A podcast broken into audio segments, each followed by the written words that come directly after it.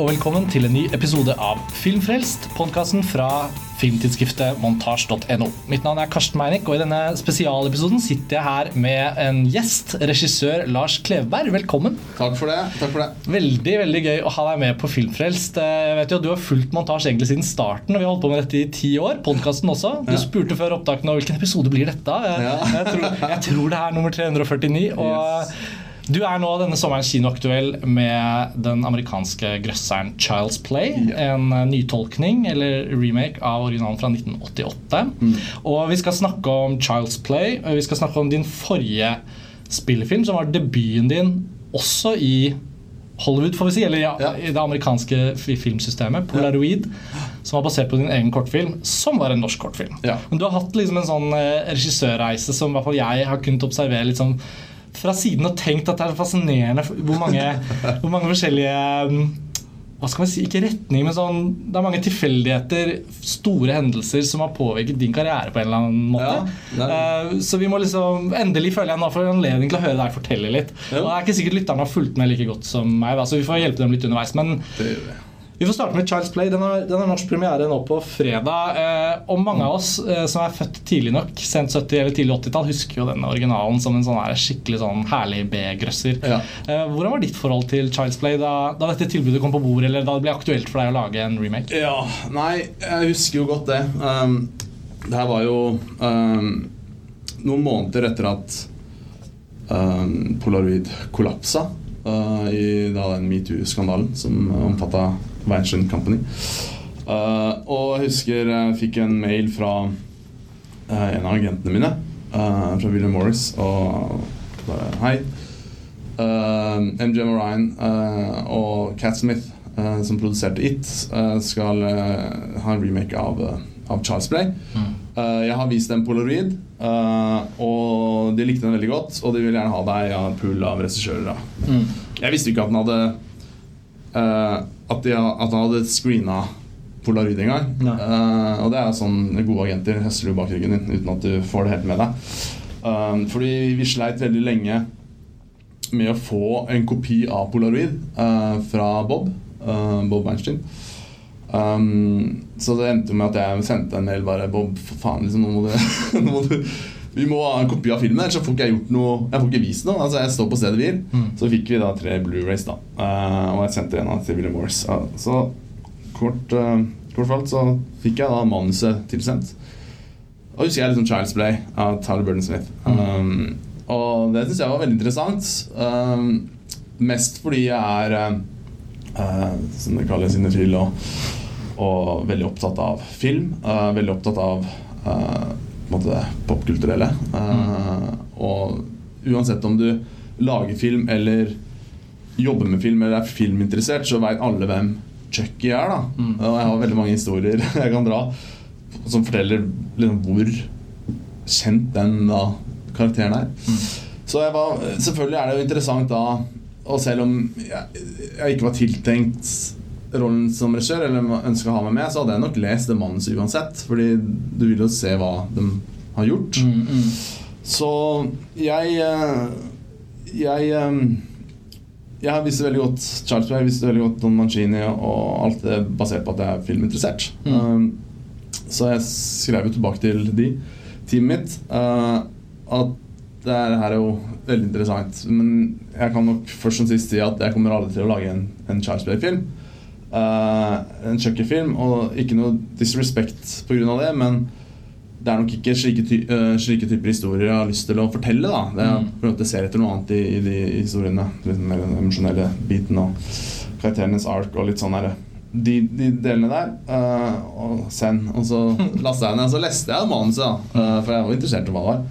Og jeg ble jo blown away på hvor bra det manuset var skrevet. Det var jo gjort noe helt radikalt eh, forskjell fra den første filmen. Samtidig som den inna, liksom, hadde da den atmosfæren og, og hele settingen fra den første. Da. Så det var det. Jeg, fra, jeg har aldri vært noen horror-geek, jeg har ofte snakket om det på, på podkasten. Jeg tror mange av de faste lytterne våre vet at jeg er aldri den som liksom er den sjefseksperten som dras inn i panelet hvis vi skal inn på noe sånn horror spesifikt. Hvem er det fra montasjen? sånn? Nei, altså, Er det Lars Ole? Lars Ole er jo selvfølgelig veldig Ja. sånn ja, men Hans filminteresse er jo allestedsnærværende da, på Ja. alle mulige sjangere. Ja. Um, og så har vi hatt en horror-spesialepisode hvor vi hadde med Even Benestad, som har blogga mye for oss opp igjennom. Horrorbloggeren fra Ekkelt og sånn. Um, men nå begynner jo det å være noen år siden, så det er jo, jeg tror mange i, i vår redaksjon er generelt interessert i i grøssere fordi det også fins veldig mye spennende visualitet. Veldig Ja. mye spennende hva skal vi si, cinema Ja. i de beste grøsserne. Og det gjelder jo meg òg, selvfølgelig. Altså, da vi hadde It Follows eller Raw eller noen av de utrolig bra nyere grøsserne som har kommet, Mm. så, så var ikke jeg på gjerdet og, og droppet å se dem.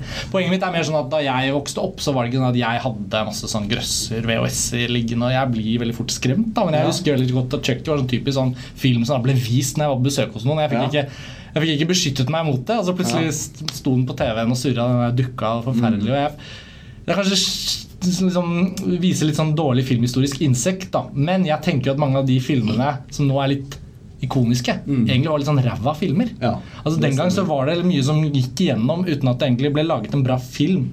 Og så Mm. har folk på en måte forgudet og ikonisert Ja. utgangspunktet. Og så, og så tenker jeg at eh, det holder ikke så godt i vår tid. da At Mange av de remakene som har blitt gjort, er jo egentlig et forsøk på å faktisk lage en bedre film Ja. rundt dette ikoniske materialet. Ja. Det høres jo litt ut som det kanskje var din Jo, altså det er i hvert fall det de kreative ønsker å gjøre. Ja, og manuset, eh, hvis det var såpass bra, så Ja, du har alltid ønsket å lage den beste filmen. Uh, rent sånn formelt så tror jeg studio plukker opp mange av de titlene de har rettighet til for eh, og det er en, en intellectual property som er sendt der ute. da Det er Ja. lettere å få oppmerksomhet rundt filmen. Men øh, jo, altså For vår del, og for min del, så Så alle husker jo Child's Play. Eh, jeg har aldri vært en superfan av det, men selvfølgelig har du sett filmen.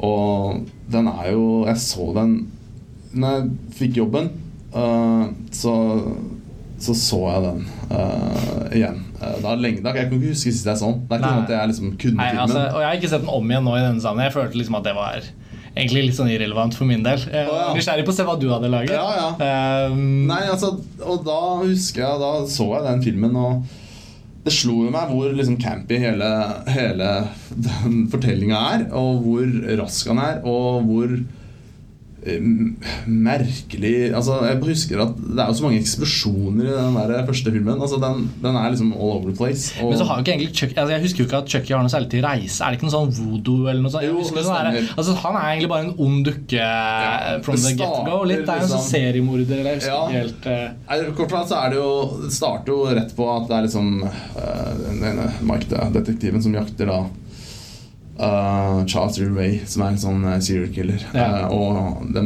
forviller seg da inn i denne uh, butikken hvor alle disse dokkene er. Så blir det noe skutt, da. veldig morsomt. Han sier ah, 'I'm gonna die'. Du måtte liksom presentere deg. Veldig dårlig dialog. og så, så Men han kan voodoo, da, av en eller annen grunn. Så Det passer bra. Ja, det passer bra. Det er fint. Så, så gjør han sånn spill, da, og så begynner å tordne og lyne, og så klarer han å få liksom sjelen sin inn i den dokken. da Og, og hele premisset er jo da at han må For å komme tilbake til liksom øh, Få en, en, en Back to the flesh, da så må han liksom øh, gjøre en, en spellen på den øh, første som fikk han etter han gikk inn i dokka, og det er jo Andy. da mm, mm, mm. Uh, og det som er litt sånn Du skulle jo tro at, når, at den filmen viser mange scener og sekvenser hvor Chucky bare er en uskyldig dokke. Men det er det veldig lite av. Han blir fort veldig, bare forvandler seg til den onde dokka, og så tar han av. Og så er han liksom ond resten av filmen. For det føler jeg jo at må ha vært en ganske sånn tydelig eh, Hva skal vi si, hermetegn dramatisk eller emosjonell forbedring i det manuset som da du har nå laget film av. Hvor Ja.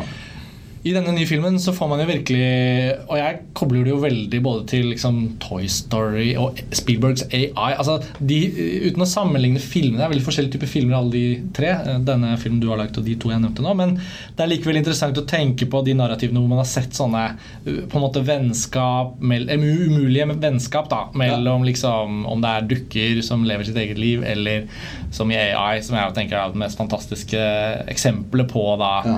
En, en artificial intelligence da, som har ekte kjærlighet. Eller Ja. Og det er jo noe av det her i deres kjøkken. Da, at han, han får jo et hjerte for Andy som vi Ja. rekker å liksom faktisk bli litt kjent med Ja. før det klikker for han. Ja, stemmer. Ja, det var det som tiltrakk meg med det prosjektet her, var jo at vi hadde å gjøre med kunstig intelligens. Ikke da på en måte vi forteller så mye om hva det er, men det gir meg, det gir i hvert fall meg en mulighet å, å skape en karakter, da, en Chucky, hvor han på en måte så verden med nye øyne for Mm. første gang. eh, og hans Og Chuckys på en måte eh, modus operandi var på en måte basert på hva han opplevde blant oss mennesker. Eh, så det- bad guyen, på en måte hans input er jo oss og vår på en måte sosiale omkrets og hvordan vi mennesker ter oss. Og da, for meg så var det da ga meg en mulighet til å skape en antagonist hvor du forsto motivasjonen hans, forsto Mm. logikken til hvorfor Chucky uh, gjorde det som han gjorde. Du var selvfølgelig ikke enig i hvordan han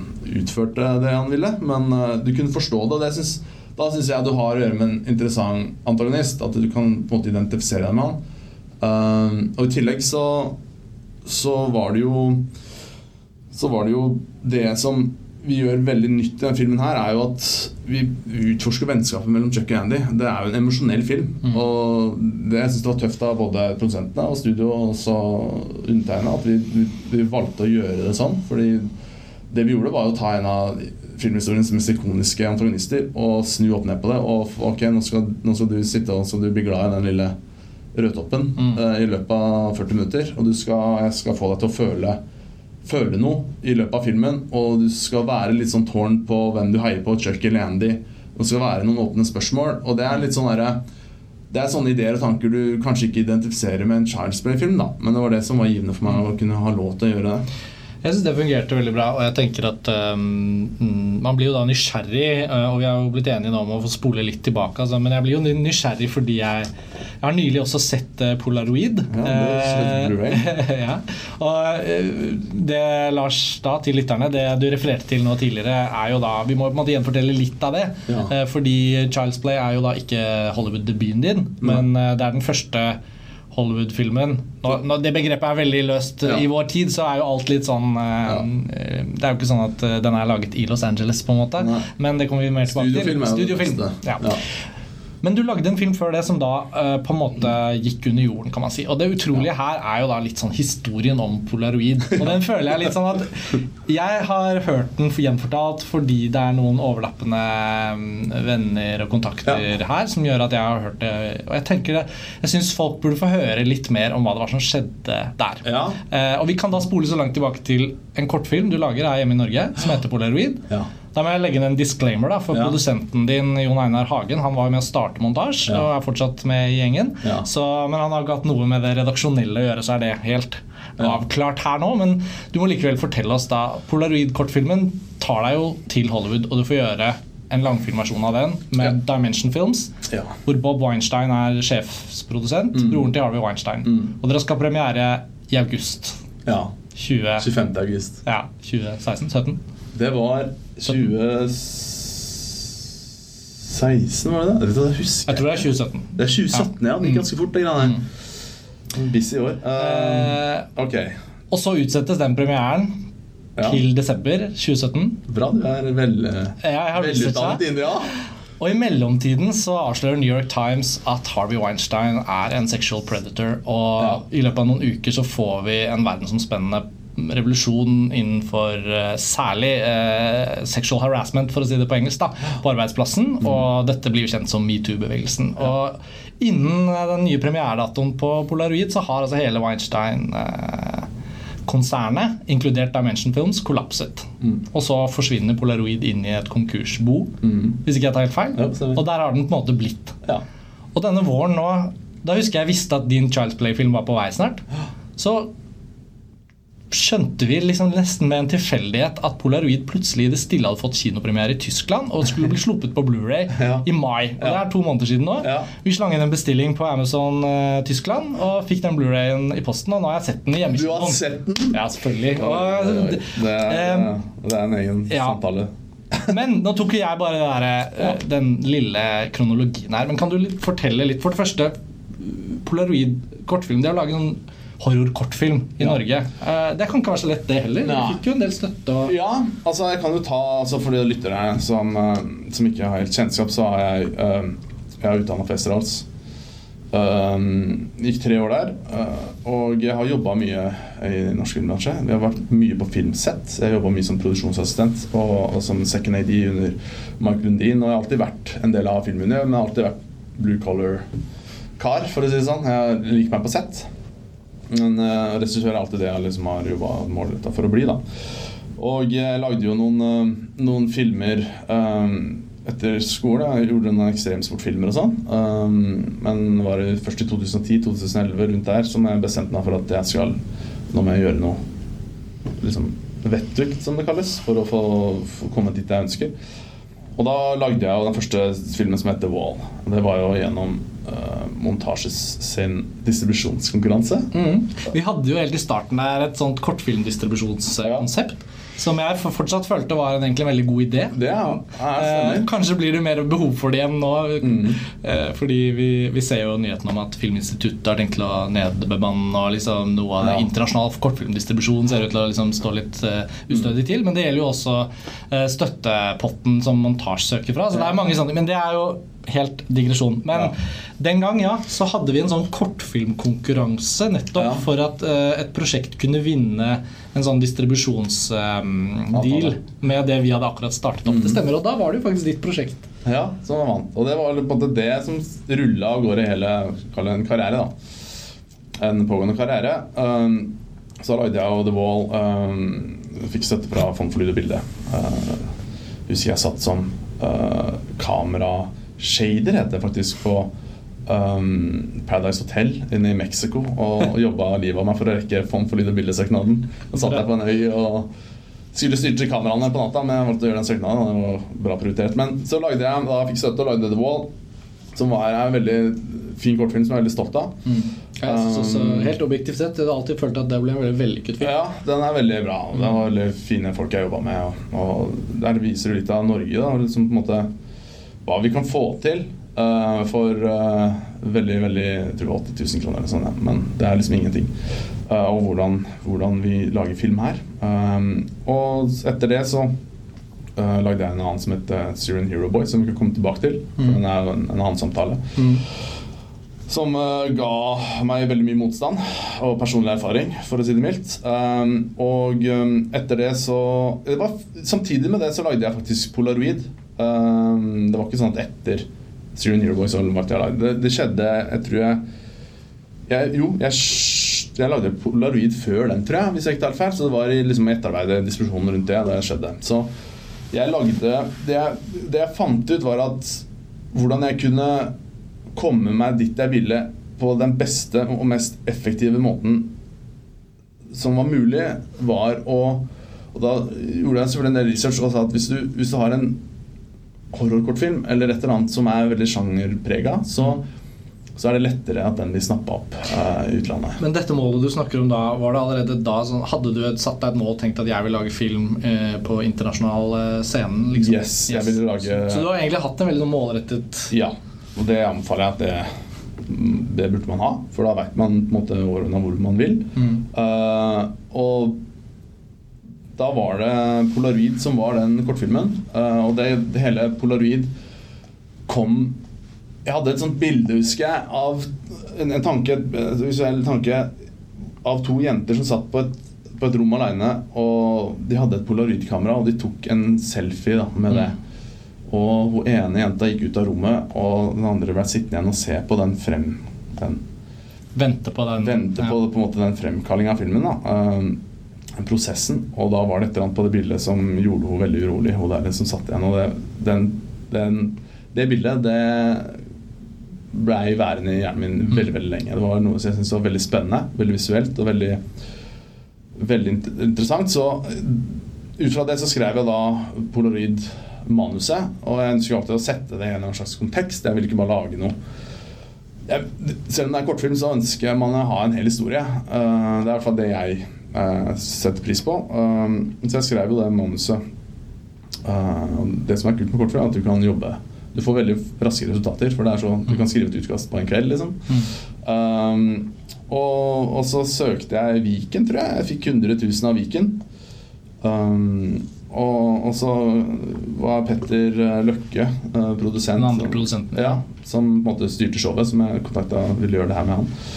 Og han gjorde en formidabel jobb. Um, og vi skjøt da den filmen på tre netter uh, ute i Hønefoss uh, med Pål uh, Rokseth Ulriksson som, fotograf. Mm. Um, og det var tøffe netter.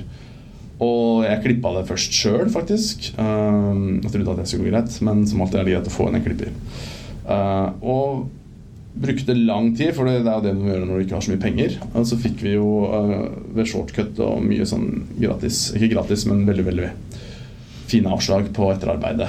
Der er det jo, Apropos Norge og et lite kompakt filmmiljø, Mm. så er det jo ganske mye sjenerøsitet opplever jeg innad i den norske filmbransjen for å få de der, de lidenskapelige små Ja. prosjektene. da, Kortfilmer, noe som folk bryr seg om. Få det liksom opp å stå, kanskje få gjennom de ideene. Yes. Så kan man heller ta seg godt betalt på de andre Ja. mer industrielle prosjektene. Mm. Og det skal jo vise deg hvis det er noen som lytter på det her, som har bistått meg i de filmene, så jeg husker hver enkelt. Når jeg kommer til, når jeg skal lage film i Norge, så er det de jeg går til. Og Shortcut og Storm og sånn, i hvert fall den nettarbeidet har gjort meg en fantastisk tjeneste. Og jeg hadde også Henrik Skram som komponist. Ja. Han husker jeg når jeg gjorde på Lur, han var den første jeg på en måte snakka med når jeg hadde manuset. Det var den første jeg fikk på plass. Eh, for jeg liker veldig godt filmmusikk. Um, og han er jo ekstremt dyktig. Så i, i hvert fall så gjorde vi den filmen, og jeg eh, Det er lettere med kortfilmfestivaler nå, for nå kan du bare laste alt opp på nett. ikke sant? Du trenger ikke å sende 40 DVD-er rundt omkring, og det koster, nå koster det liksom et par hundre, og du eh, slenger den opp på en eller annen sånn side. Men det tok veldig lang tid. Det var I januar-februar så så vi at noen av de store A-festivalene liksom Ja, den ble tatt opp på det. da Mm. Uh, tenkte oi, det er spennende. Men det tok ikke før fram til sommeren, høsten, før det dumpa inn da den begynte å vises i LA og sånn, da dumpa inn en haug med mail da eh, og på Vimeo og sånn at det var her var liksom sånn. Filmen lå ikke åpent tilgjengelig på nett. Nei. Den var ute i festivaldistribusjon. Eh, gjorde dere alt det selv, eller var NFI inne For du, På Norsk Filminstitutt så er det jo av og til sånn at Ja. filmer tas inn og de liksom sendes ut av Ja. NFI var eh, med Toril uh, Simonsen. Ja, stemmer. Hun har alltid vært en veldig fin å ha Alltid støtta meg, da. I hvert fall med sånn distribusjon og sånn. Um, og de har jo da Da går de gjennom Da gjør de sender de gjennom sitt nettverk. eh, Mm. og liksom det det koster for det. Og så gjorde jeg min ting og, på, og lasta den opp på, på nettsider og slengte den rundt omkring. Uh, Hva var, liksom viktig, hva var den viktigste første festivalen hvor du For du hadde jo dette målet, da. Så du Ja. visste jo egentlig at du har laget en horrorgrøsser Ja. som du sikkert også etter hvert begynte å bli ganske fornøyd med. Eller, Ja. altså, sånn, du har jo et ferdig produkt der, og så tenker du hvordan skal den bli det visittkortet? Hva, hva, hva var det som var den viktigste liksom, nøkkelfestivalen eller nøkkeløyeblikket som gjorde at du, at du fikk de riktige menneskene til å se filmen da, der borte i USA? Ja, det var det som var, da. Det, det var, den kom jo inn på en av de der Jeg husker ikke alt hva det heter. Uh, den kom inn på noen av de der prestisjefulle sjangerfestivalene. Men det ga ingen resultater. Det var først at den ble vist på en sånn veldig enkel horrorfilmfestival i Los Angeles. Um, Egentlig i form av at det var ikke så stort arrangement. Filmfestival, ja. Veldig, veldig liten. Veldig, det var liksom, og der var det en uh, fra et management som så den filmen. Og det som skjer i Hollywood Hvis det er en som snapper opp den Og for det er der alle er sultne, liksom. Uh, og da Der har vi den. Og da, da sprer det seg på en dag. Og da var det de, det første det var, De het uh, Benderspink. Det var de som produserte Hangover og The Grudge. Og et management. Så de, Ja. de, de ringte meg. Hei. Var du, unnskyld, var du der da med filmen? Nei, jeg var i Norge, så jeg Du var hjemme? opp, ja. Og da skjønte jeg ok, nå begynner den ballen å rulle. Og da var det de første som uh, kontakta meg. Det var Jake Wagner og Scott Stoops på, på Bendersving. De heter Goodfair nå, da. Og de sa hei, vi eh, gjør det og det. Og vi så kortfilmen. Den var awesome. Det skal de selvfølgelig sikkert til alt. Uh, og. Ja, og det vi skal gjøre nå, er at vi vil lage spillefilmene her. Uh, vi vil pakke den sammen. Altså, package som det kalles, uh, og ta den rundt i studioer. Mm. Vi vil også representere deg uh, som managerne dine. Er alt dette i én samtale, eller sprer det seg utover flere var, det var, det var mest mail, og Ja, okay. det går så fort. Og, Jeg tenker, Vi har jo mange unge lyttere og folk som kanskje har samme drømmer som deg. Jeg tenker Det er alltid gøy å få høre hvordan noe skjer. ja, sånn teknikken i det. at... eh, Det- har du jo fortalt at det har vært et tydelig mål for deg med filmen i seg selv. Ja. Eh, Polaroid som kortfilm står egentlig også veldig støtt. Altså, sånn, du hadde ikke måttet lage en lang altså, sånn, Nei, det er sant. Så det er noe med det òg, at Ja. den både fungerer som visittkort og som kortfilm i seg selv. Det gjør det. Den, De som ikke har sett den, så ligger den da ute på Vimeo nå. Ja. eh, på din eh, Vimeo-side. Stemmer. Uh, jo, og det som er da, fordi det er, Hvis det er da lytter der ute som er aspirerende filmskapere eller ønsker å gå utenlands eller sånt, så og Research er alfa og omega. Det har alltid vært det for meg, uansett om jeg skal lage en film eller om jeg skal gjøre noe eller ta et eller annet valg i livet. Så jeg visste jo et forløpet på hvordan ting kunne være. 'Mama' av Andy Muschetti var f.eks. Mm. En, en, en kortfilm som var en stor inspirasjon. Jeg så det. Altså David F. Sandberg, han svenske Mm, Lights med. Lights Out. Det var ting som hadde skjedd måneder før meg, så jeg visste jo Leser jo det og hvordan det fungerer. Og når de da er på ballen, så er det jo Da må det være på, liksom. Altså, hadde, jeg kjenner jo André Øvredal. Altså, jeg ringte jo til han, han bisto meg.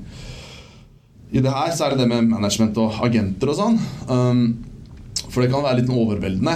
Uh, men basically, folk Det er ikke noe det er ikke noe bullshit. det er ikke noe Folk høster eller ikke. Det er ærlige mennesker, og de, de lever av å, å være raskt ute og, og få tak i ting. Um, og jeg valgte å stole på de. Um, og det viste seg å være en, en, en klok avgjørelse. Så dem, det de gjorde da, er at de hadde kortfilmen, tok den ned fra nett og sa at ok, nå skal vi pakke den sammen. Uh, du som regissør, vi som produsenter. Vi får inn Roy Lee, for de kjente Roy Lee. Han er en, en liten legende i Hollywood. Med Fortell gjerne litt mer om hvem det er. ja, han er jo den som på en måte Produsent. Produsent, ja. En av de som på en måte bridga de asiatiske filmene over til eh, det amerikanske markedet. Men, og han er jo jeg tror han utdannet advokat, så han er jo ekstremt smart. Veldig hyggelig kar. Uh, veldig god på rettigheter og intellectual properties og, og hvordan den flyten er her. Så han dro jo over uh, The Ring og The Grudge. Også The Departed, faktisk. Eh, som han uh, Som var i Infernal Affairs i Hollywood. Yes. Den ble Scorsese. Yes. Og den vant jo Oscar. Ja, ja. Eh, Jeg syns Scorsese er ganske mye bedre. Men, du, jeg så den her om dagen. Den er, er jo helt fantastisk ja, bra. det er helt utrolig. Den er så bra. Uh, og, og da Når de har liksom gjort det For det, det, Hollywood, altså min erfaring er at det er så mye som skjer. Det er så mange ideer, manus, det er så mange muligheter. At for at du skal få studio til å liksom Hør her, nå har vi noe. Så må det Det er derfor jeg sier the package. Liksom, de, den, setter det sammen. Og da har du Det sterkeste visittkortet er at du har en kortfilm. Mm. Da ser de det her er sånn filmen kommer til å være. Det her kan vi si en mann som. Og han er regissør. Ok, good. Og da går de rundt i eh, de forskjellige studioene. Uh, og da, det, da gjør de det på en torsdag, og så sier de uh, Tenk over det hvis vi gjerne har det over helga. Og de, det er liksom Det er et salg, da. Eh, og så var vi bare Satt vi og venta. Men du fløy over, eller? Nei, jeg gjorde ikke det. Du gjorde ikke det? Nei, og alle sier 'du må fly over, Lars'. Du må fly over Og bare, Hvorfor det? Jeg er dem, liksom. Men du må være der. Så bare Fuck you, jeg har ikke penger, liksom. ja, jeg, må, det, jeg er dem, jeg snakker med dem. Det virker bra folk, liksom. Og det er ikke noe jeg, jeg, Det var track record som er mye bedre enn alle andre som sitter og snakker med meg på telefonen akkurat nå. Så jeg tror vi, det er greit å vente. Så ringte de på lørdag og sa ok, nå er det Det, det sto mellom dem og et annet eh, Altså Dimension Film, som Bob Weinstein. Mm. Og da hadde en assistenten der, Keith Lavine, som også var executive på filmen, så den. Bare, ja, den eh, sendte den til Bob Weinstein. Bob Weinstein trykka play. Han bare sa bare yes. Tilbake. Eh, exclusive deal. Og så var det da uka etter så var det hamra fast at eh, den var satt opp hos dem. da Og da og var, og fikk jeg også da agenter og Da ramler jo alt liksom på plass. Og da er det liksom, går jeg den runden med Da flyr du over, eller? Nei, jeg flyr ikke over. Ikke da heller. Da var det enda du må fly over. Ja, men nå er det satt opp. Det var, eh, Gi meg penger til å fly over, så jeg fly over. Ja, sånn, ja. Uh, Altså, det er ikke sånn som i tegneserien at du liksom, de sender et privatfly og champagne er- på veien. Jeg har alltid blitt sånn irritert på det, for det har ikke skjedd meg. Men jeg tror jo eh, Det er jo nivåer, da. Jeg, jeg hørte det fløy sikkert Tyldum over når de hadde hodejegeren og, Ja. og sånne ting som det. Jeg var lest at for men, men jeg ble flydd over seinere. Ja. vi snakker en stor deal over flydd over, da. Men, men eh, Så du, du sitter hjemme, og i løpet av denne ganske korte perioden Mm. så spikres egentlig da den avtalen Ja. som åpner døren for deg Yes. til Hollywood. Ja, stemmer. Og da var det da en, en, en, en phone conference call uh, med produsentene og, og studio og Bob Weinstein. Og det var det første gang jeg har vært med på sånn conference call. da Og det gjøres veldig mye i Hollywood. De er alltid busy, de alltid kobler opp alle assistenter, og så liksom connecter de deg uh, over telefon. Og det var jo det, Jeg tror ikke en dag i dag jeg setter noen pris på de der conference calls. For det første så var det dårlig dekning, Mm. uh, og alle snakker. Og, og alle er opptatt, ikke som de gjør andre ting. Men da var liksom, jeg fikk jeg snakke, da var det Bob Weinstein. da Og selvfølgelig, du vet jo hvem han er. Hvis du ikke vet hvem han er, så er du jo helt nedsnødd. Og han har jo, Jeg har veldig stor respekt for det han har gjort. Han har jo fått opp uh, mange av de, de som er liksom ikoniske, sånn som Tarantino og Robert Rodriguez. Og Ja, ja, altså den Guerrilla. Dimension Films-logoen. Ja, ja. Jeg hadde jo mye nærmere forhold til den enn Miramax-logoen Ja. på 90-tallet. Yes. Før jeg begynte å se Miramax-filmer, Yes. og så blandet det seg på en måte. Men uh, ja, absolutt. et studio Selvfølgelig Skrik-franchisen. Ja, helt Altså Han har lagd noen filmer og produsert noen filmer som har vært helt utelukkende. Mm. Nå snakker vi selvfølgelig isolert sett om hans holdt på å si, kunstneriske virke som studiosjef. Ja, og label Dimension Films. Ja. da Og det var på en måte den sjangerdelen av på en måte da Weinstein, da, hvor han på en måte utvikla sine sjangerfilmer. Han ville gjøre det. Og Harvey da gjorde med av de kunstneristiske Oscar-filmene. Mm. Og da han øh, Da var han veldig morsom, og, og, og selvfølgelig du, du lurer på hvem han er, men det var liksom Hello, Lars. Bare, uh, hey, my name is Lars. Yes, I know you're Lars. Lars, listen. We're gonna make this movie, okay? I guarantee you we're gonna make the fucking movie and we're gonna make it as good as fucking possible. You got that? Yes, we are. yes, I can't look. Okay, Lars, Lars, listen to me. We're gonna make the fucking movie. Okay, I, I, I believe in this. This is so good. This is camera. Every, okay, Lars, we're gonna make it. Okay, bye. And then sånn. og det var liksom første samtalen, da. Ja. Og det var det sånn derre Ja, det var sånn jeg hadde forventa at han skulle være. på en måte Eh, Og så blir det jo manusfattere kommer inn og pitcher, og du er med på å velge ut uh... Ja, for da er det jo ikke sånn at du er en autør på den måten. Nei, Altså, du, du, du sitter ikke nå ved et vindu på Cecilia og forfatter mesterverket ditt. nei, det gjør jeg ikke. Uh, beklageligvis på mange områder. Og det, merket, det følte jeg litt rann på, fordi da når liksom de skulle begynne å få inn manusfattere og, og pitche, så, så var det sånn herre Du hørte ikke noe Hvem er det de tar inn og sånn? Og jeg trodde det var litt sånn De prøvde å skjule meg litt unna, og sånn men det er egentlig ikke sånn det er. Det er mer sånn at de, liksom, de vil ikke de vil ikke la deg høre de dårlige pitchene. De vil ikke, for det er det samme, du er jo klipper. Du vil ikke vise den første klippen. Altså, du vil gjerne ha litt sånn innspill fra andre først, før du luker vekk ting og viser det. Og sånn er det også med hva de gjør. da. De vil på en måte imponere deg. Yes, det er akkurat det. Da ble Butler som hadde den beste pitchen, og den var ikke noe sånn herre Det var litt sånn herre Det var på en måte ikke den filmen jeg så for meg, på en måte. Eh, Den historien var spennende på mange områder, men det var ikke helt liksom Så jeg måtte jobbe mye med det for å prøve å jobbe liksom, inn da, en retning som jeg kunne være fornøyd med. Så vi, det, det tar litt tid da mens dette pågår. Ja. Uh, og på et eller annet tidspunkt så skjønner du at eh, Bob Weinstein hadde rett. They're gonna make the fucking Ja, movie. det Det, skal bli film. Ja, og det var sommer vi begynte med det, og da hadde vi Og jeg reiste over til eh, Canada i januar. 2017. Ja, For jeg husker du- Jeg fikk med meg det at opptakene til spillefilmen Polaroid og premieredatoen Det var veldig kort Ja, det var helt latterlig, liksom. Det var Fordi, eh, ja, så det, det er en utviklingsfase her. Jeg vet ikke, Den dealen du gjenfortalte nå, Ja. var det, hvor lenge før var det? Et år eller mer? Det var vel et Er du liksom år ja. fulltidsansatt Nei, av Hollywood da? Eller går du hjemme og holder på med andre ting? Jeg går hjemme og holder på andre ting. Ja. Jeg jobber på settet og Ja. eh, second. Så det er ikke noe sånn, det er ikke noe sånn glamorøst på dette tidspunktet? Det er ikke noe glamorøst i det hele tatt. Altså. Det er ingenting av det jeg hadde forventa. Det er jo litt rann med at det er Dimension-film, da de gjør ting litt annerledes. Men, eh, og det tar tid. Men det her gikk jo fort. Men eh, ting tar tid, og det tar jo lang tid å skrive et manus. Og så skjønner du at uh, dette utkastet begynner å nærme seg at Ja. vi skal lage denne filmen. Yes. Er du involvert, Hvor involvert i å få det manuset på plass ble du til slutt da? Har du, Nei, men mer og mer etter Ja. hvert som jeg tok og skjønte at det er bare å ta plassen sin, rett og slett. ja. Men var det sånn guild-messig sånn at du kan ikke stå kreditert i det hele? Jeg var ikke noe sånn, jeg var ikke noe i noe guild. Og Nei. det er eh, veldig det var litt komplisert. fritt? Ja, det stemmer. Og jeg var jo, ble jo over for å være med til American Film Market og pitcha der da, til utenlandske distributører. Det gikk jo veldig bra. og Det var liksom da som begynte ballen å rulle. Uh, og da fikk vi på plass et manus. Uh, og da Ok, nå drar du, liksom. Uh, januar. Uh, deg til Nova Scotia Halifax. Hvor vi skjøt det, Det er filmet i Canada. Begge filmer, faktisk. begge filmer, ja. Ja. Mm, på hver sin side. Ja, Så østkyst-Canada, Nova Scotia. Ja. Jeg forbinder det med sånn The Shipping News med Kevin Spacey. Ja, Men ja. Det er eh, liksom Norge 2.0, da. Men det ser jo veldig fint Jeg jo også, kan jo skyte inn nå at jeg likte Polaroid veldig godt. Jeg ble ganske jeg, Gjorde du det? Ja, altså jeg, det var ikke det jeg trodde at den ikke skulle være bra. Men når en film har vært gjennom en sånn lang reise, Ja. så blir det en litt sånn annen ting å se den. Eh, denne filmen som bare aldri ble sluppet. Men det var ikke nødvendigvis fordi det ikke var noe det var ikke nødvendigvis da fordi det var noe galt med filmen, fordi det var en veldig spesiell situasjon. Ja. Det skjer veldig sjelden at, Ja. eh, at metoo-bevegelsen starter med en konkurs som din film da Ja. var fanget inn i. Men jeg hadde veldig glede av å se filmen, ikke minst fordi den var mye mer sånn visuell liksom. Nesten stemningsfull enn jeg hadde forventet. Oi. Fordi når jeg tenker Ja. Hollywood-grøsser, sånn, så tenker jeg liksom nå, nå blir det sånn høye lyder og jump scares med en Ja. gang. også, og det er noe av det verste jeg vet. da Ja. Uh, Så jeg hadde litt lidelser nå på Child Play. På, jump scares som traff meg bra.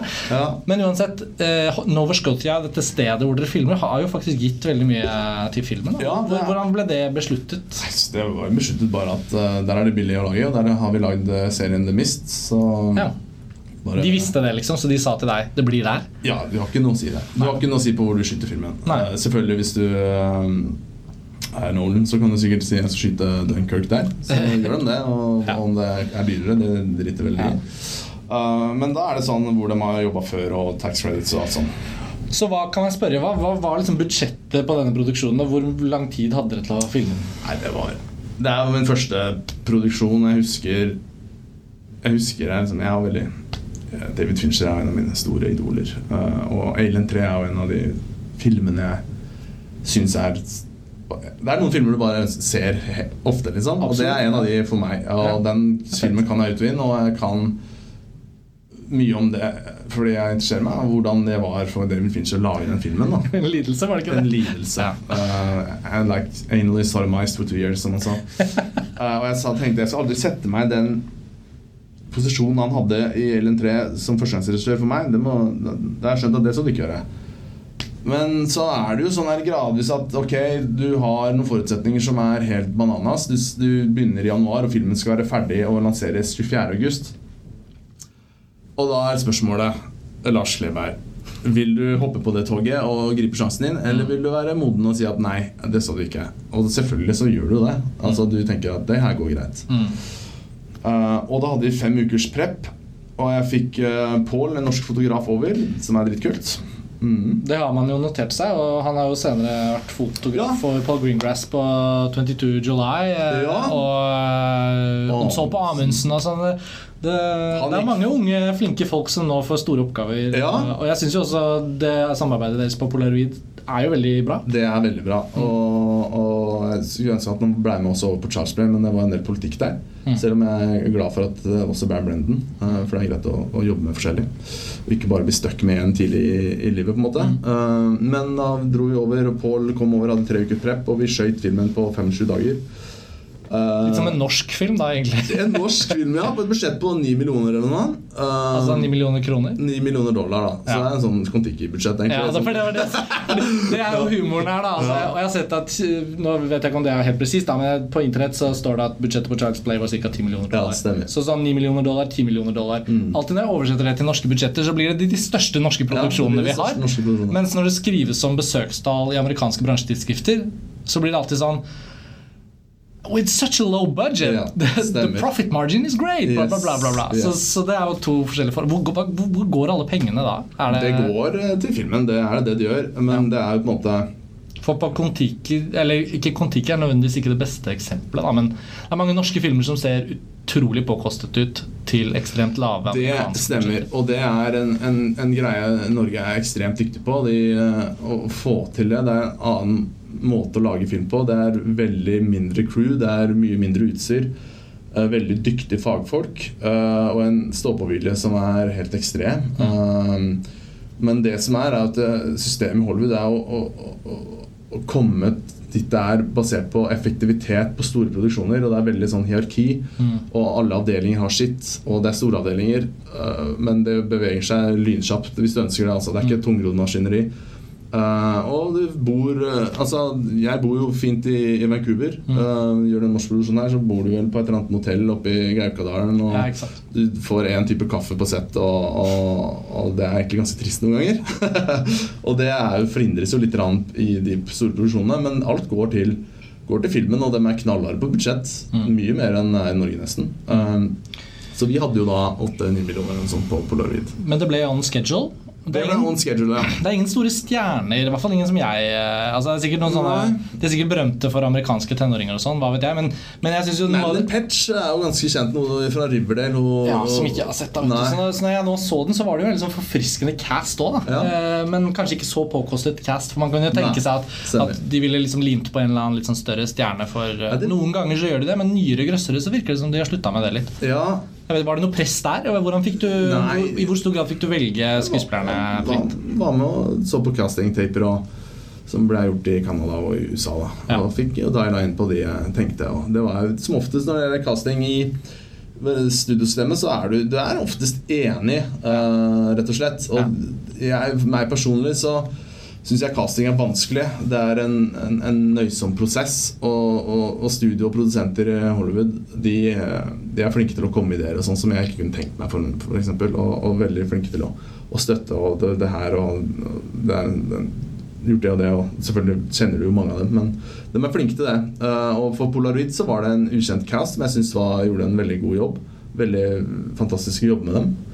Eh, jeg syns det er litt synd på mange av dem, fordi siden filmen aldri ble lansert, så har de ikke noe å vise til. Nei, altså Hun hovedrolleinnehaveren spiller jo veldig bra. Mm. Jeg synes hun spiller uvant bra til sjangeren å være. Ja, Uh, det var litt tilfelle med Itfold også. Husker jeg tenkte Michael Monroe. Bare sånn, fy faen, Hun spiller jo Ja. dritten ut av dette. Mm. Liksom, det er jo helt fantastisk. ja. Um, samme gjelder Raw. Da. Det er jo to favoritteksempler jeg har. Mm. Sånn nyere horror, altså litt sånn ferske regissører. ja. Uh, en amerikansk og en fransk. Men, um, men vi får spole litt bare for å få, med alt som skjer her. ja. Så, så nærmer det seg august, og så blir premieredatoen flyttet. Uh, var du letta da og tenkte åh, nå får vi litt mer tid til å gjøre filmen ferdig? Jeg var for så vidt det, men det er, det er, det er sånn tvega sverd. Um, jeg husker jo at Altså, som regissør så Du ser den filmen du er i ferd med å lage, også i klippen. Du ser hva som er bra, du ser hva som ikke er fullt så bra. Og så blir det jo selvfølgelig når du jobber Det er ikke noe sånn at du har final cut. Det kan du bare drite i. Så venter du ikke Michael Bay eller noe sånt. Um, og da er det, når din tid er over, så, så kommer prosenter inn, og du jobber med dem. Jeg hadde fem ukers Darters-klipp, uh, som er liksom fem uker mindre enn det du skal ha hvis du er DJ, men jeg var ikke det da. Og det var bare Det var helt sinnssykt. liksom. DJ er da fagforbundet for regissører. Det stemmer, og da har du krav på ti uker. Ja. Og vi hadde fem, uh, med en haug med uh, visual effects. Og, og som førstegangsregissør så vet du ikke, har du ikke erfaring i Hvordan du skal prioritere sånn, i en sånn rask uh, prosess. Men da ble jo den Han valgte å liksom utsette det fordi vi trengte mer tid. Og han kosta på et par uker mer i post, og det var veldig bra. Den kom seg veldig betraktelig opp. Og, og liksom i 1. november eller et eller annet, den nye datoen Var det ikke det? 1. november? Jo. Nei, Var det ikke rundt thanksgiving? eller Jo? Thanksgiving, stemmer det. Og da var det det, og da var liksom Det her er god stemning. Uh, det her uh, Nå er vi i gang igjen, liksom. Uh, Når, når låser du filmen da? Liksom, når er den ferdig miksa og ferdig det var vel en, en fem-seks uker før det, tror jeg. Så når Harvey Weinstein Altså når det kollapser rundt ham Ja. Disse artiklene begynner å bli publisert i New York Times i oktober der. Når skjønner du at dette kommer til å ramme filmen din? Liksom? Jeg var jo en av de som skjønte det uh, I hvert fall ikke en av de Jeg skjønte det ganske seint, faktisk. Fordi jeg husker jeg jeg husker Bob ringte meg når det var når det, en uke etter at det der var kaos. Liksom, så husker jeg han ringte meg og så bare No, we're gonna, we're gonna do it. Like, we, yeah, don't worry. Yeah, don't worry. Speed ahead. Og så husker jeg sendte mail til Roy og Jake og dem. Bare, ja, Bob sa det, og det her liksom kom til å gå. Og de bare Det tror jeg ikke kommer til å skje. og da visste de. de. Og de skjønte hvordan det her kom til å være. For det var korthuset som kollapset. Altså, Ja. Vi snakker jo om et ganske enormt konsern. Da. Ja. Eh, Weinstein Company, som var Harveys liksom, eh, Ja. fløy, og Dimension Films. Og, og, så i ettertid har jo det blitt mye mer enn bare å handle om dem. Men uheldigvis for deg så var det jo da akkurat der filmen din satt, og da eier jo de den. ja. Så du, da du skjønner at det ikke blir noen premiere som, som forventet, så hvordan, hvordan tar du dette innover deg? Og, og hvordan, Ja, det- hvordan var det å Nei, det var eh, Det hadde jo, levde jo i troen på at det skulle komme til å skje, på en måte. Eh, men det tok jo også lang tid. Jeg husker jeg leste om det mye på nett og prøvde å holde meg oppdatert. og sånn og, og, og, Men det, det, det foregår på et, på et nivå som er så himmelhøyt over alle andre. Så til slutt så bare sa liksom produsenten bare det her. Det her er bare, kan du bare glemme akkurat nå. Nå kan det ta lang tid. Fikk dere lønn og sånn slutt? da? Ja, jeg fikk betalt. Ja, så, det var ikke, så du slapp å Eller du hadde kanskje vel så mye bekymring for at filmen skulle komme ut, men det ville jo vært leit å sitte med Ja, det får du liksom i rater når du Ja. lager filmen. Ja. Um, Så den var grei, og Ja. filmen er begravet i et konkursbo. Ja, og så ble det bare stille i andre enden fra Bob. Og så så du at eh, det ble jo et globalt, globalt fenomen. Eh, hvor da liksom Ground Zero er broren til produsenten. Um, så det var eh, Det var nytteløst, rett og slett. Og når kommer da Child's Play? Altså Når er det da du tenker shit Det har kanskje allerede begynt å skje, da, men når er det du begynner å tenke ok, hva er neste prosjekt? Skal jeg hjem til Norge? Skal jeg lage kortfilm igjen? Skal jeg lage en ny Hollywood-horror? Ja. Nå sitter du her med Child's Play, og det har på en måte gått bra, men Ja, det var eh, Hva skal jeg si på det? Fordi det var jo Jeg begynte å jobbe igjen da i norsk filmbransje som second AD. Eh, Da var jeg vel eh, på en del ting, og jeg jobba på 22. juli. Altså Erik Poppes Nei. film? Nei, på Paul Greengrass-filmen. Nei, TV-serien. TV-serien Som ennå ikke har kommet. som ennå ikke har kommet. uh, Er det den TV-serien som NRK skal vise, og som er regissert av Sara Johnsen og Pål Sletthaug? Ja, stemmer. Ok, da er vi med. Og da jobba jeg der, og det var veldig Det var godt. Altså, det var godt å komme i gang og, og jobbe på film. Og jobbe uansett. Mm. Uh, og, men jeg gikk jo og tenkte mye, liksom. Hva, og her produsenten Norge, de, de er jo Det er jo litt tak, så det er jo ikke noe Det blir ikke tilbudt noe. Det blir ikke noe Og ingen har jo sett Polaroid. Nei, men det er, eh, Norge er et eget kapittel i, å- i missed opportunities, uh, dessverre. Så eh, det gadd jeg ikke å bry meg så veldig mye om. Men uh, jeg tenkte jo mye på hvordan det her skulle bli, um, og prøvde å holde meg litt opptatt. Men til slutt så tok det så lang tid, og det ble liksom ingenting. Og så bare ok, screw it. Polaroid er long gone. Jeg prøver å se framover. Mm. Begynne å snu hjernen din. og, og det er en bump som, eh, som alt annet. Um, og så leser du manus, og, og du får jo tilsendt. Vi prøvde å sette opp polaroid hos eh, Blumhouse eh, og litt sånn forskjellig, men han valgte ikke å gjøre det. Og det som er da, da er filmen din Den har liksom Den har radioaktivt stoff på seg. Den, ingen vil bli forbundet med det. Mm. Um, og, og jeg husker en samtale jeg hadde med manageren min. Um, jeg bare, liksom, Noen måneder etter det så bare sa han liksom Du må liksom Du må vite nå at du er sånn halvveis i director jail selv om du ikke har gjort noe feil. Og så bare Faen, jeg har ikke gjort noe Jeg vil ikke være director jail. Jeg har hørt at det er kjipt, liksom. Jeg bare, jeg vil ikke. Så bare, ja, men det, må, det er nesten som du er det. Uh, og du må enten En ting kan være er at uh, du kan lage en kortfilm igjen som er et nytt proof of concept, og vi setter opp på nytt. Og jeg husker han sa det, og da tenkte jeg vet du, jeg kommer aldri til å Jeg veit ikke om jeg kommer til å orke det å lage en kortfilm til, rett og slett. Fordi det, det tar jo lang tid. Mm, det.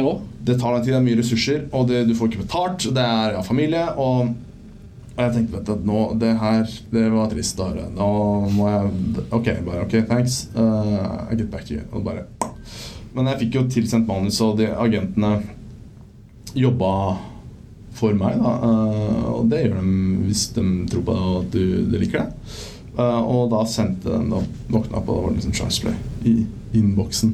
Bare Å, artig. Og jeg liksom, det er det jeg tenkte. Var, har, jeg, har jeg kommet på det nivået nå at jeg liksom får remake av Charles Play?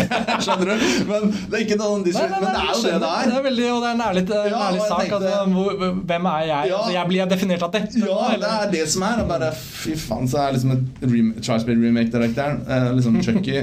Ok. Men så leste jeg det, så bare, bare Det blow me away da, hvor bra det var skrevet. Og hvor, hvor bra det var. Og så sitter vi her nå, og det har jo egentlig da Egentlig så er det jo litt sånn at du har på en måte satt i gang to prosjekter i Hollywood, og begge har egentlig blitt film. Ja. Så på ganske kort tid, selv om det ikke sikkert føles sånn for deg, så har du jo du nå gjort to eh, Hollywood-grøssere. Ja. Og nå er jo Polaroid på vei ut i verden. Den hadde Ja. tysk premiere. Jeg vet ikke hvor mye av det du ble informert om. Nei. Har du vært på noen press-tour Nei, liksom, med ikke noe, men nå lanseres i Japan. Ja, og jeg leste på Google Translate at en del italienske kritikere var positive. Har du det? Ja. Og det må du sende Ja, jeg skal sende deg det. Jeg jeg tør ikke Jeg, bare Jeg har vært Polaroid veldig grundig i research på dette. Bra, altså. Og Blu-rayen så jo nydelig ut. Eh, filmen eh, Jeg personlig bare opplevde den som en veldig fin eh, film, liksom. Altså, sånn, jeg tenkte sånn Hadde dette vært en debutgrøsser i Norge fra en norsk regissør, så hadde vi alle vært sånn Ok, wow, nå har vi en ny, liksom.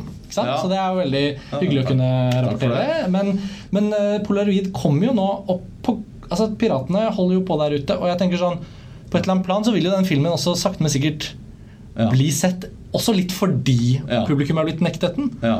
Altså at fordi den liksom ikke Jeg vet ikke om Vet du noe om den skal opp i Norge? det? Nei, men den eh, vises i Sverige. Jeg har Ja. i Sverige har den nå til helga, tror jeg. Så til lytterne da, så er det jo da sånn at Polaroid nå egentlig da ikke er en tapt film lenger, da, men at den sakte, men sikkert eh, kommer opp. kommer og, og, og så har vi jo Child's Play. Og med ett så går du da inn i høsten 2019 med to Ja. filmer på det som da egentlig må kunne sies å være ganske kort tid. da ja, veldig kort tid. Så hva, hva, hva nå? Det er et godt spørsmål. Uh, Hva kan du fortelle om? Det er sikkert masse hemmelig. Nei, altså Jeg er jo veldig fornøyd med hvordan Charles Bay har blitt mottatt. Um, Den har jo fått en ganske fin uh, mottakelse. Ja. Særlig fordi den sjangeren normalt blir utsatt for ganske mye. slag. Yes, og særlig remake i den sjangeren. Er, da er du ute og kjører, liksom. Men jeg har blitt overraska over mye av reviewsen jeg har fått. Og den har gjort det bra, den, altså, i en, en, en sesong, office-sesong som er ganske krevende i Hollywood nå. Mm. denne sesongen her Så sånn sett er jeg veldig fornøyd. Og selv om det er kamper mot studio og produsentene på hvilken type film du ønsker å lage, og du give some og lose some og win some og så fått, det er det mye av den i Charles Bay som på en måte er det jeg ønsker å fortelle. Da. Det er den spillbergske um, Ja, altså det, ET disse unge hovedpersonene med alenemødre altså det, Ja. det, og, og mediering av um, teknologi. mm. Polaroid, kameraet altså sånn, Hvis vi slipper noen analytikere løs på Klebergstoffet, så er det jo en del eh, Det er jo en del motiver, da. Ja, men er følge, Hvor mye av det føler du liksom er litt tilfeldig, og hvor mye av det føler du at egentlig du er ganske opptatt av? Jeg tror det er tilfeldig. Det er, nok mer hva karakterene er og, og hvilken reise de har, som tiltrekker meg. Og det var også med Mm. Charles Play. Jeg synes det var interessant at det var AI da i stedet for voodoo, for det ga meg en mulighet til å skape en ny type karakter. Jeg syns det egentlig er det forfriskende pust som gjør hele denne filmen ganske fresh. Jeg har fått sånn eh, smart radiatorstyrt varme hjemme selv. Ja. Eh, og jeg kan av og til undre meg over hvorfor den ene eh, termostaten av en eller annen grunn plutselig får sånn blackout på skjermen og bare står der og dirrer. Ja. Altså, eh, jo, men ikke sant? Man, man, man, det er jo det som er gøy når man ser noe bli lekt med på film. Ja. Så kan jo film, og for så vidt TV, men liksom, det er jo litt sånn film har vært opp gjennom årene. Sånn morsomme vrier på ting som er en del av vår verden rundt oss. Så jeg syns det, det er vellykket at dere prøver i hvert fall å berike det litt med det. da Ja. Og det var viktig for oss. ja, Særlig med Charles Play at det, var en, det måtte være en grunn til at vi ønska å gjøre den remaken. ja. Det måtte være en grunn for oss alle at ok, det her føles riktig, og da var det AI var en del av det. Vi har, fått, eh, vi har fått en time av din tid, eh, og nå har vi snakka i snart 55 minutter. Det er sikkert eh, Neste norske journalisten banker sikkert snart på døren. Men hvis vi da skulle oppsummert litt Nå fikk vi jo ikke snakket noe særlig om Syrian Hero Boy, da, men Ja, vi kan ta oppsummere Ja, men liksom det er så utrolig merkelig hendelse. Nesten egentlig en av de sjeldnere hendelsene i norsk, nyere norsk filmhistorie. Ja. Eh, og den har blitt helt glemt, på en måte. Det er sikkert du glad for på ett vis, for det må ha vært ganske grusomt å stå i den Ja. For det ble jo da Det er et kortfilmprosjekt som hadde en veldig sånn original vri. Mm. Dette er før konseptet om fake news og Yes. alt dette ble introdusert. Vi lever jo i Donald Trumps tidsalder osv. Mm. Vi er tilbake i 2013-2014 ca. Ja. Til og med egentlig før IS er liksom en kjempeting. Ja. Til og med før norske IS-krigere Ja. er overskrifter. Ja. Men ikke før Syria-krigen. Opprøret i Syria 2011. Mm. Og på et eller annet tidspunkt der så lager du en kortfilm som, er, som har det som konsept å være så virkelig at den kan oppfattes som virkelig. Ja. Og den distribueres på nett. Ja.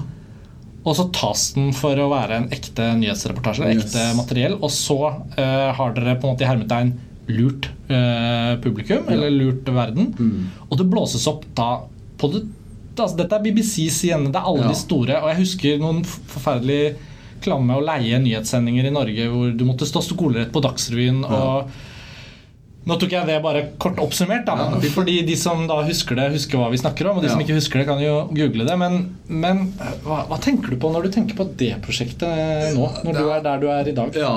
Nei, altså, jeg er eh, Jeg er veldig stolt av den filmen. Uh, det er jeg. Det er Utgangspunktet for at jeg ønska det, var at jeg, jeg satt hjemme og skrev og, og Når den krigen brøt ut, og det var jo en av de og Jeg er jo politisk interessert og, og samfunnsengasjert, um, som enhver regissør er. Uh, men det, det slo meg at det var, det var en av de krigene, nyere kriger hvor det var uh, Altså antall barn drept i krig var jo Det slo alle rekorder. Og det var et eller annet med det, jo mer grusomt det var, jo mindre villig var på en måte media å, å vise det. Det var eh, veldig merkelig. Det fikk ikke noe blest. Jeg kunne ikke forstå det. Um, og jeg tenkte hva kan man gjøre for å på en måte sette søkelyset på den situasjonen for de der nede? Og da, da fant jeg liksom ut at jeg så på en del nyheter og leste om det. Hvis det var noe som var av positiv hendelse, så fikk det da uh, en effekt. Da ble det liksom distribuert. Det negative ville ikke media ta i, for det, det, folk bare ventet andre eller så bort. Mm. Og det var ikke noe gjennomslag. Men hvis det var noe positivt Oi, en jente fant vann uh, i krigssone hvor det ikke skulle være det. Ok, uh, road ahead. Og Ja. tenkte jeg, hva om jeg lager en filmsnutt hvor du kjenner deg igjen i noe som er grusomt, men det, det ender på en magisk positiv måte? Fiksjonens dramaturgiske Yes. liksom, effekt. Yes. Og jeg blander alt det her, uh, og jeg gjør det så reelt som mulig. Og jeg skrev manus, uh, og, og, og kort fortalt så søkte vi støtte for Fond for lyd og bilde, uh, og vi fikk der. Også, også hos NFI, Mm. eh, hos Åse Mai. Mm. Eh, og da var det den filmen du ser, er akkurat sånn som var manus. Og eh, vi prøvde å, å, produsere den i Norge, men det viste seg å være vanskelig. Det liksom- var ikke noe som funka rent visuelt. Og vi dro over til Malta. Og det her varte jo Da var jo krigen var jo i gang. eh, og det var, det var ikke noe mer eller mindre rundt det. på en måte Eh, Og vi filma fem dager i Malta og skøyt det på en lang tagning. Eh, og pakka det sammen og dro hjem igjen. Og så Jeg klippa det Eller en Montec, da, men jeg lyddesigna det, og jeg brukte lang tid. Jeg tror jeg gikk inn i en boble, for å si det sånn. Altså, det var, alt er autentiske lyder, og alt er det, var, det skulle føles helt ekte. Og jeg så hundrevis av sånne filmer. Og hele filmen er jo basert på den gutten som blir skutt og drar den jenta ut, og det er et kuleregn, og de, de løper av gårde, og folk liksom heier, og det er lakbar, og de kommer seg unna. Mm. Og så kutter filmen, og du vet ikke helt hva som skjedde. Mm. Og jeg hadde en plan. liksom Det første regelen er du, får, du klarer ikke å lage noe viralt. Det er liksom tilfeldigheter. Så bare Ja, men det er sikkert eh, noen som har mer sannsynlighet for å gå viralt, og det er alltid noe rundt der, så jeg gjorde mye research på det. Og så slapp liksom filmen eh, tagline, Syrian Hero Boy, oversettelse, eh, og, og gjorde og preppa alt det her. Og det, altså, Kjernebudskapet vårt var at vi ønska å gjøre noe godt for barna. Det var det grunnleggende. Så vi hadde jo på en måte en, en, en naiv, positiv innstilling til det. Uh, og vi ville at det skulle gå bra. Vi slapp den på nettsida, jeg slapp den på YouTube. Og, og dagen etter så hadde den uh, fått eh, 75 avspillinger eller sånt. Og bare oi. Nei, den kvelden det slapp det 75 000. Og tenkte ja, her gikk det jo ganske fort, tenkte jeg. Jeg husker jeg la meg den kvelden med en litt sånn følelse hvor det var Jeg har klart å få til det jeg ønska å få til. Men allikevel så var det Du går inn i et vepsebol. Det her er en krig, det er barn, det er drap, det er eh, IS før det, men det er, det er politikk, da. Det er liksom ordet politikk. Våkne dagen etter, to millioner avspillinger. Og ikke nok med det, men nå begynte den å brukes politisk. Det var det første som skjer. Og det er alltid det som skjer. Politikken kommer inn, og den blir brukt politisk. Den ble splitta. Assad-styrkene øh, anklaga de øh, militsen for å gjøre de handlingene. Militsen anklager Assad-styrkene for å gjøre disse grusomme handlingene. Alle bruker det. Det blir brukt som et, et verktøy, et, redskap i den konflikten. Uh, ikke noe er det med Tenk så positivt. Det var jo det i starten. Oi, det her er fantastisk det som skjer. Det var ett døgn, og så blir det brukt politisk. Hvem er det som er ansvarlig for å gjøre sånn mot barn? Mm. Og så gikk det den første Og den første, det var på mandag, og rundt onsdag-torsdag så blåste det opp 10 millioner, 15 millioner. Det, den sprer seg overalt. Jeg husker jeg hadde på Twitter liksom hashtag Syrian Heroboy, og jeg bare så det liksom tikk, tikk, tikk, tikk, tikk, kom sånn, da. Mm. Og, bare, og da begynte vi å få en litt sånn nemlig følelse når, um, når det blei brukt veldig politisk. Det blei veldig stygt. Mm. Uh, men vår uh, idé var alltid at vi skulle si liksom Det var oss. Mm. Vi, liksom, vi lurte dere. på Her var poenget, liksom. Ja, her er poenget. Og uh, vi gjorde det her på, fordi um, Sette søkelys på barn i, i krig. Mm. Og vi gikk til BBC, som det var, vi fikk anbefalt fra noen politiske rådgivere. Som ikke var noe særlig god anbefaling, for å si det mildt.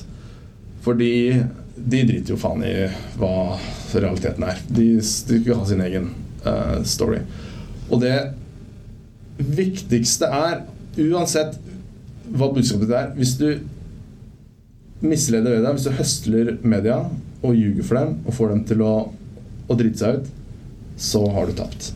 Da er det de som veit i dag, og det er de som måte, skaper historien. De brydde seg ikke om det var barna i krig. De, nå var det Fra første sekundet så var det Media har blitt lurt. De lurte oss, øh, og uh, selv om de alle ble exposed, ingen av dem gjorde jobben sin, de brukte det i sin politiske greie, de òg, så gjaldt ikke det lenger. Uh, her var det noen som lagde fake news før det ble fake news, Mm. og på den måten gjorde det vanskelig og dramatisk og farlig for andre journalister i, i de miljøene å operere, siden da ingen ville tro på det de kom ut. Men det var hele, min intensjon var at jeg måtte lure media for at den skulle gå på det, for at den skulle spre det. Mm.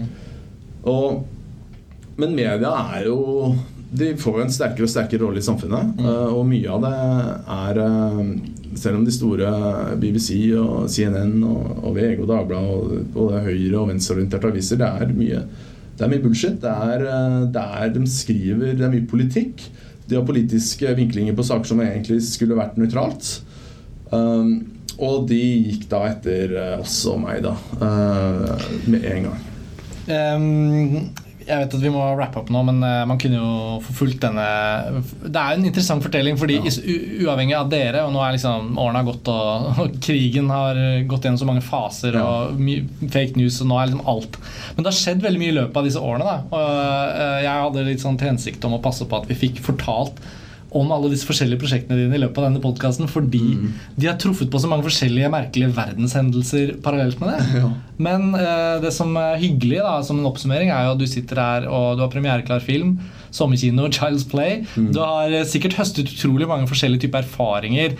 Nå, eh, Fra å stå i en sånn mediestorm med Syrian Hero Boy til Ja. å se at eh, denne Weinstein-saken blir til en verdensomspennende revolusjon som fanger opp debutfilmen din osv. Mm. Men, men Det er liksom for, Forrest Gump-versjonen av ja, Lars Kleberg løper på tvers av. Som sånn toucher innom alle de Ja, ja, ja. store begivenhetene. Men eh, vi får håpe vi får si at dette er sånn del én. da Og så håper vi at du har lyst til å komme tilbake og være gjest på podkasten om eh, la oss si om noen år. Og så ser vi hva du har laget eh, da. Eh, vi får bare understreke til lytterne at eh, Child's Play går på kino nå i sommer. Har premiere på førstkommende fredag. Eh, og Polaroid er da på vei ut eh, i verden. Eh, de utålmodige kan i hvert fall bestille den fra tyske Amazon. Det Ja. gjorde eh, vi. Og, um, og så, så får vi se om den faktisk kommer på en vanlig norsk lansering senere. Så skal vi følge med Lars på hva som blir ditt neste prosjekt. når den tid kommer. Takk for det. Hyggelig å ha deg med. Og takk for at dere hører på. Vi høres igjen snart. God sommer videre.